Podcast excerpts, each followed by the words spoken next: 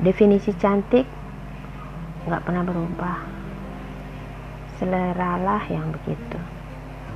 Terus sajalah kamu menjadi cantik dengan caramu, dengan semangatmu, dengan kebaikan kamu, serta kesungguhanmu menjalankan sesuatu.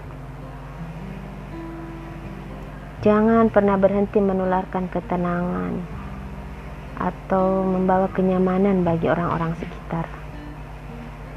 Menjadilah air untuk api yang menyala di mana-mana. Kelak, pasti akan ada seseorang yang rela mengubah seleranya untukmu.